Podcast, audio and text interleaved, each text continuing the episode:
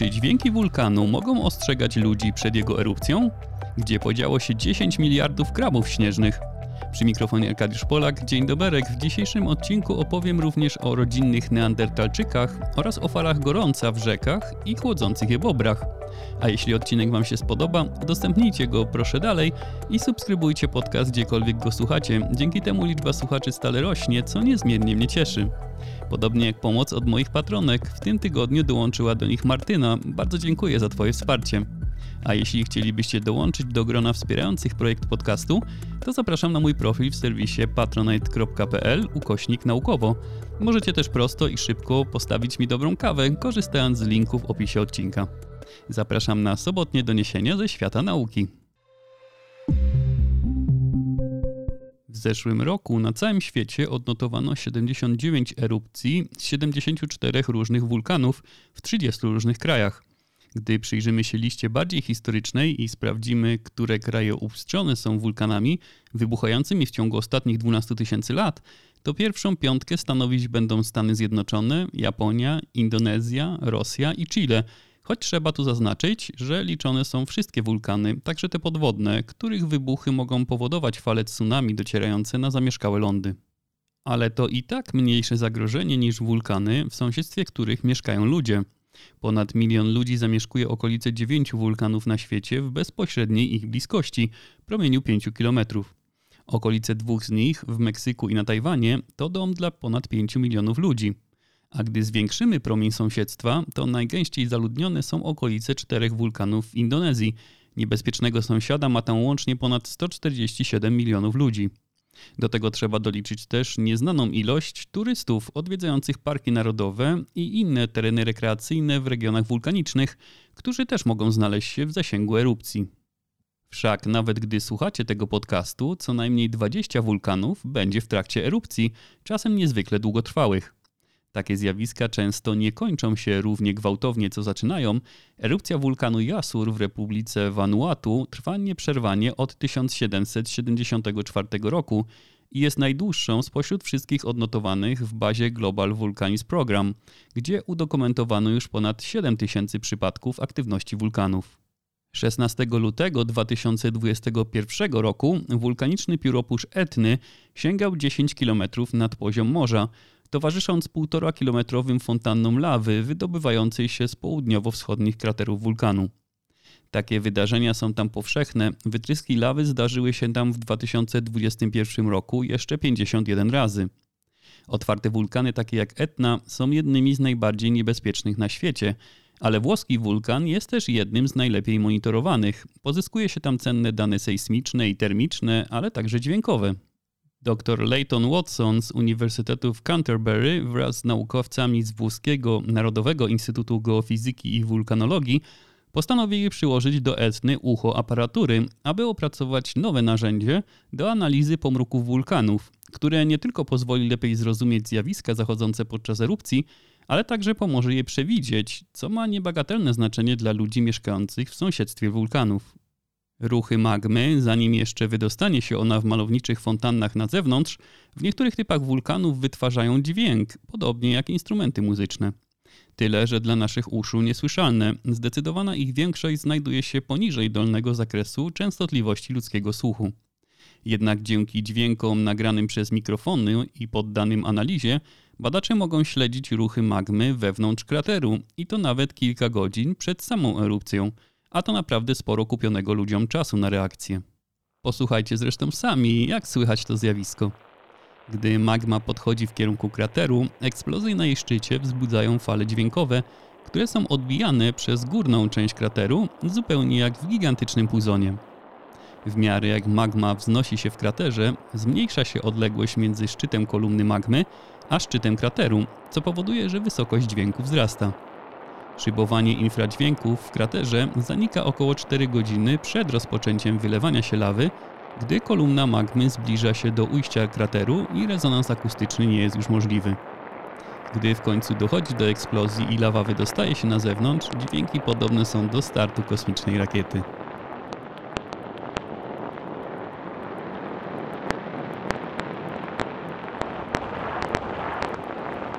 Prace będą kontynuowane także w innych częściach świata z innymi typami wulkanów, tak aby opracować model jak najbardziej uniwersalny, możliwy do zastosowania w dowolnym miejscu.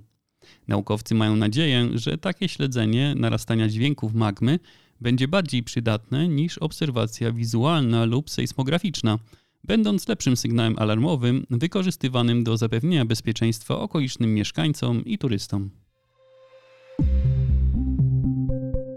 Fale upałów odbijają się niekorzystnie na ludzkim zdrowiu i życiu w wielu miejscach świata.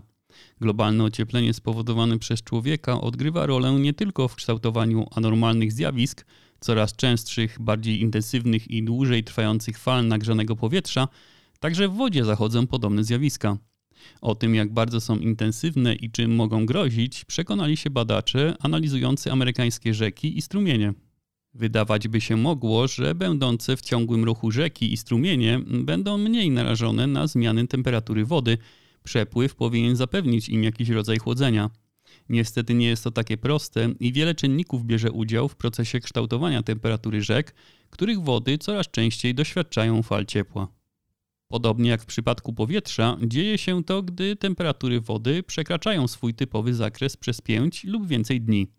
A dzięki danym zebranym przez Służbę Geologiczną Stanów Zjednoczonych możliwe było zebranie dziennych temperatur wody w 70 różnych rzekach i strumieniach na terenie całych Stanów Zjednoczonych, aby zobaczyć, ile dni w roku każde z tych miejsc doświadczyło fali upałów.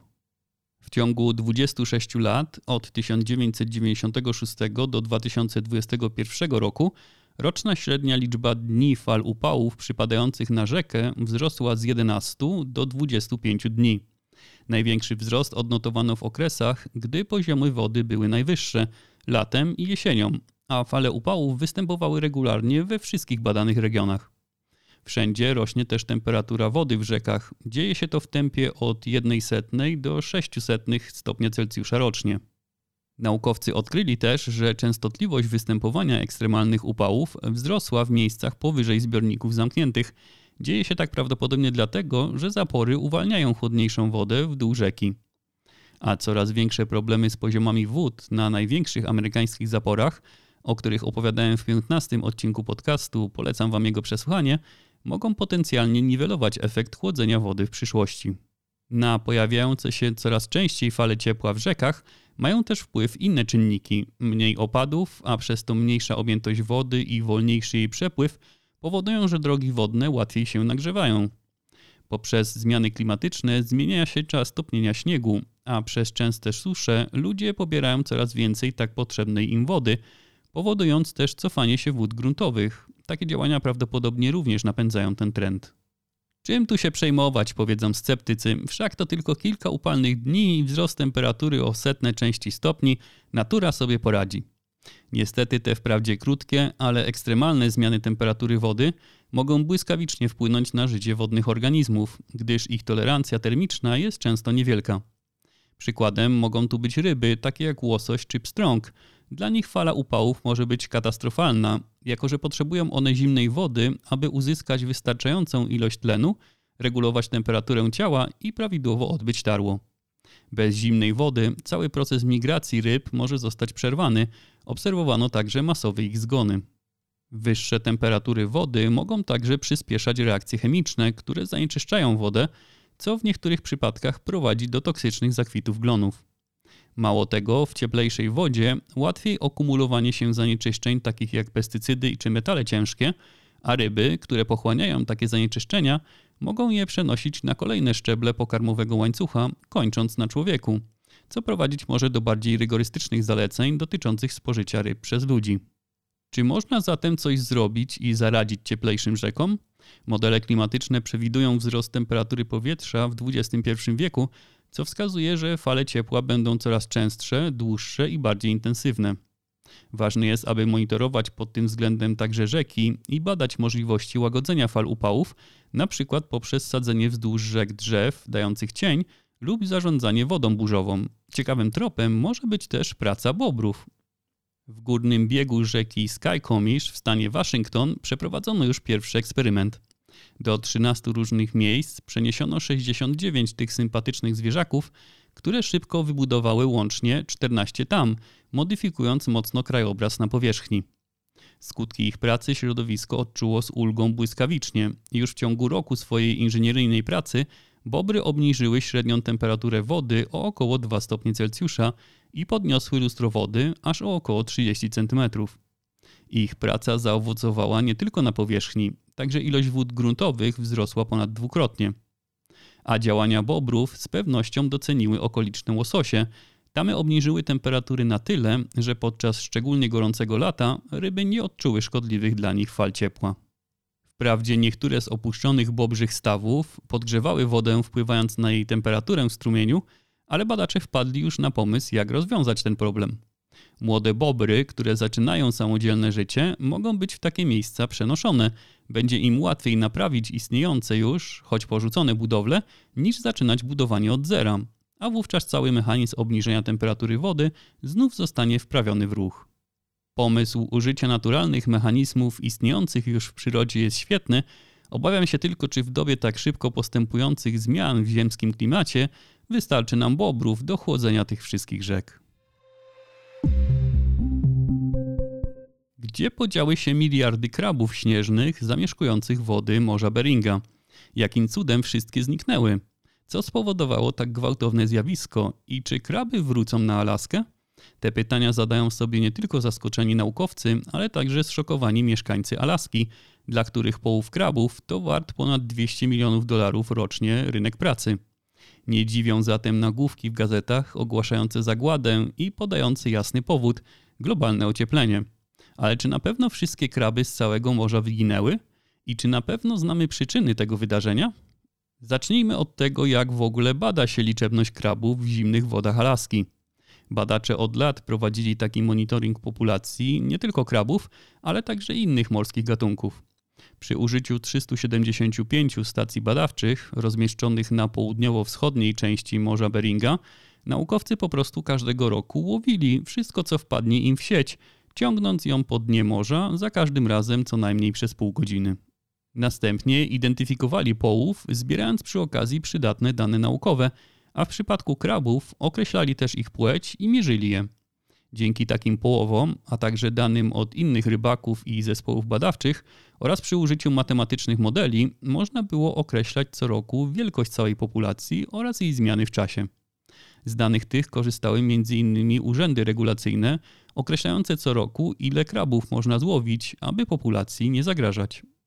I tak w 2018 roku dane były super optymistyczne, w zasadzie najlepsze od czasów rozpoczęcia pomiarów. Według szacunków w południowo-wschodnim Morzu Beringa było 11 miliardów 700 milionów krabów śnieżnych, wliczając w to mniejsze osobniki, które w najbliższym czasie miały dorosnąć na tyle, aby mogły zostać odłowione, by trafić na ludzki stół.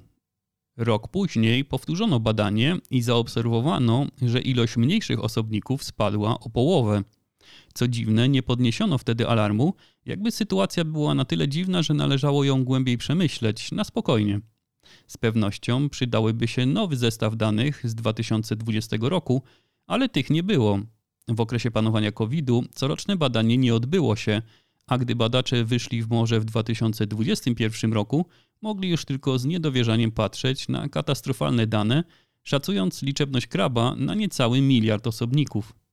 Żeby oddać raz jeszcze skalę, w 4 lata populacja krabów śnieżnych w badanej okolicy spadła z 11 miliardów 700 milionów do 940 milionów osobników. Co spowodowało tę masową śmiertelność zwierząt?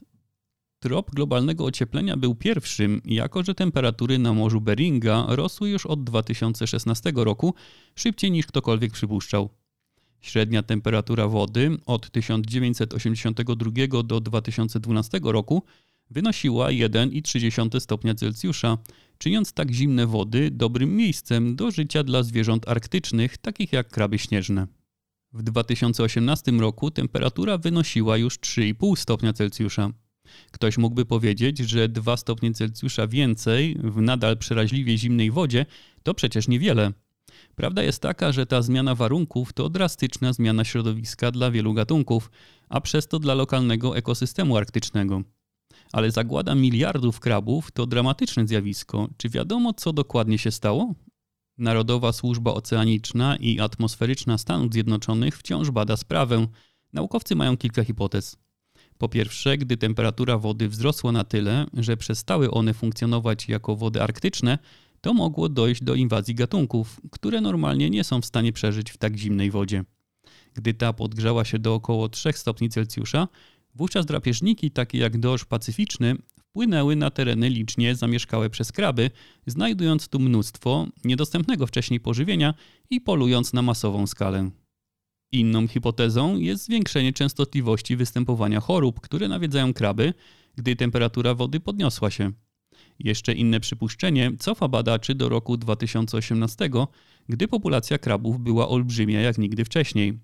Wówczas miliardy krabów, skupione na terenie zimnych wód arktycznych i potrzebujące dużo jedzenia, po prostu przesadziły z rozmnażaniem się. Tak duża ilość krabów na ograniczonym obszarze nie mogła znaleźć wystarczająco dużo pożywienia i nastał masowy głód. A może kraby wcale nie umarły, może po prostu, gdy zrobiło się za ciepło, poszły sobie w inne, chłodniejsze regiony.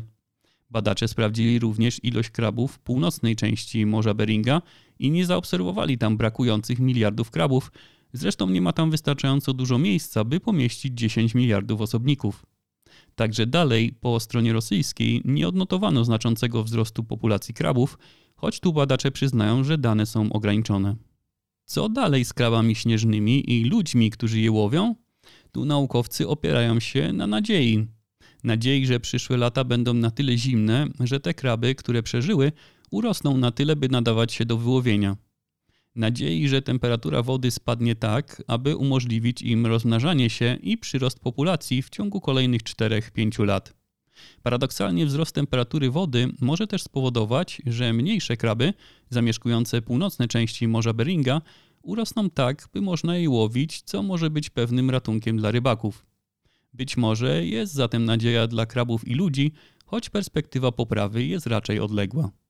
Czytając doniesienia prasowe czy naukowe, ludzie zdają się być niezmiernie zaskoczeni takim wydarzeniem. Powodem tego jest tempo zmian, jakie zachodzą na Alasce, którego nie obserwowano nigdy wcześniej i nie wiedziano, jakie konsekwencje się z tym wiążą. Klimatolodzy i oceanografowie od dawna alarmują, że za 50 lat będzie cieplej niż dziś, ale nagle okazało się, że zmiany widoczne są nie na przestrzeni dekad, a następują z roku na rok. Człowiek jest istotą społeczną, tworzymy więzi, nawiązujemy przeróżne relacje. Społeczność kształtuje nasze zwyczaje, prawa i obowiązki.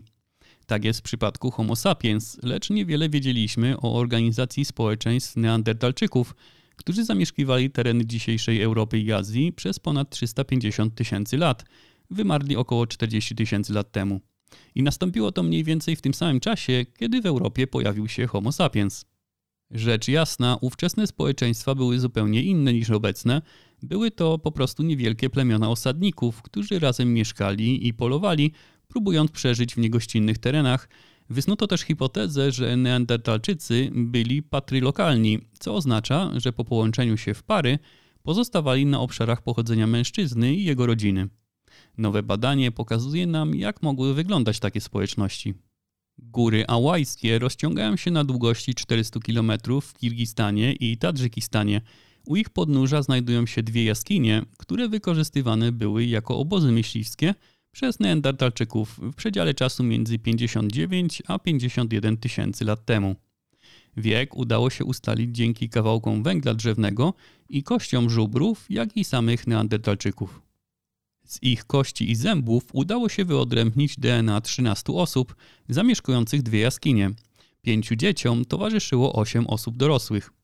Już ten fakt czyni tę pracę jednym z największych badań genetycznych populacji neandertalskiej. Tym razem udało się też ustalić powiązania rodzinne w społeczności. Było to możliwe, ponieważ odkryte szczątki wskazywały, że zamieszkujący jaskinie neandertalczycy żyli w tym samym czasie, a to niezwykłe odkrycie, gdy weźmiemy pod uwagę rozległą linię czasową. Często w takich miejscach mieszają się ze sobą szczątki z populacji żyjących w tym samym miejscu na przestrzeni tysięcy lat. Przede wszystkim udało się ustalić, że Neandertalczycy na tym obszarze żyli w małych społecznościach po około 10-20 osób. Sugeruje to odnalezione w DNA małe zróżnicowanie genetyczne w obrębie klanu, ośmiu zbadanych neandertalczyków miało wspólnego przodka nie dalej niż 10 pokoleń wstecz. Odnaleziono także bliskie związki rodzinne, ojca i małoletnią córkę oraz krewnych dalszego stopnia. Przyglądając się bliżej, naukowcy byli w stanie zbadać mitochondrialne DNA, które matki przekazują swoim dzieciom i porównać je z chromosomami Y, które są przekazywane przez ojców. Znaleźli większą różnorodność genetyczną w mitochondrialnym DNA, co sugeruje, że kobiety mogły się przemieszczać między społecznościami częściej niż mężczyźni, prawdopodobnie wtedy, gdy wybierały partnera. Nie wiadomo jednak, czy te cechy neandertalczyków z gór ałajskich były unikalne dla nich, ze względu na odizolowane położenie daleko na wschodniej części obszarów zajmowanych przez tę populację, czy też można je odnieść do wszystkich społeczności neandertalczyków. Bez względu na wyniki badań próbek z innych części Eurazji, przybliżenie organizacji społeczności i związków rodzinnych sprawiło, że neandertalczycy stali się jeszcze bardziej ludcy. Na dziś to wszystko. Zapraszam na kolejny odcinek w środę. Życząc miłego weekendu, dziękuję Wam za uwagę. Pozostańcie sapiens. Do usłyszenia.